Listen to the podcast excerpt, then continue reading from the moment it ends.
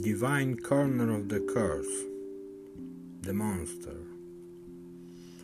The knot of the burned dreams no longer remembers you. A monster staring at the trembling of the old waters. Here the vein was cut through the rose's powerlessness, and on the stork nest the pearl sheds a tear from pain. The projection can be seen of the dawn in the starry darkness, and the clatter of a snare drum during the fairy rehearsals. The crimson of the king wraps lifts you to a golden possibilities, vomiting galaxies and unfleeting actors' corpses. The price of an evil spell pulled out along with the eyes.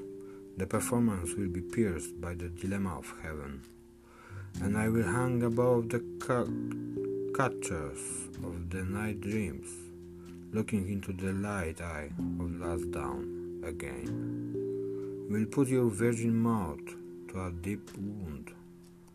With needle and thread you will sew the channel of altruistic force.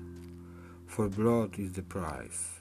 I will count for the sons of angels. Application for it were faulty today. In a carriage, a cold body travels, lying uncovered. The soul goes on a rotten trail, inexpressible.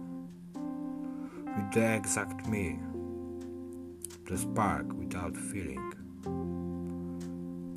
Do you feel fear? This image is highly contagious.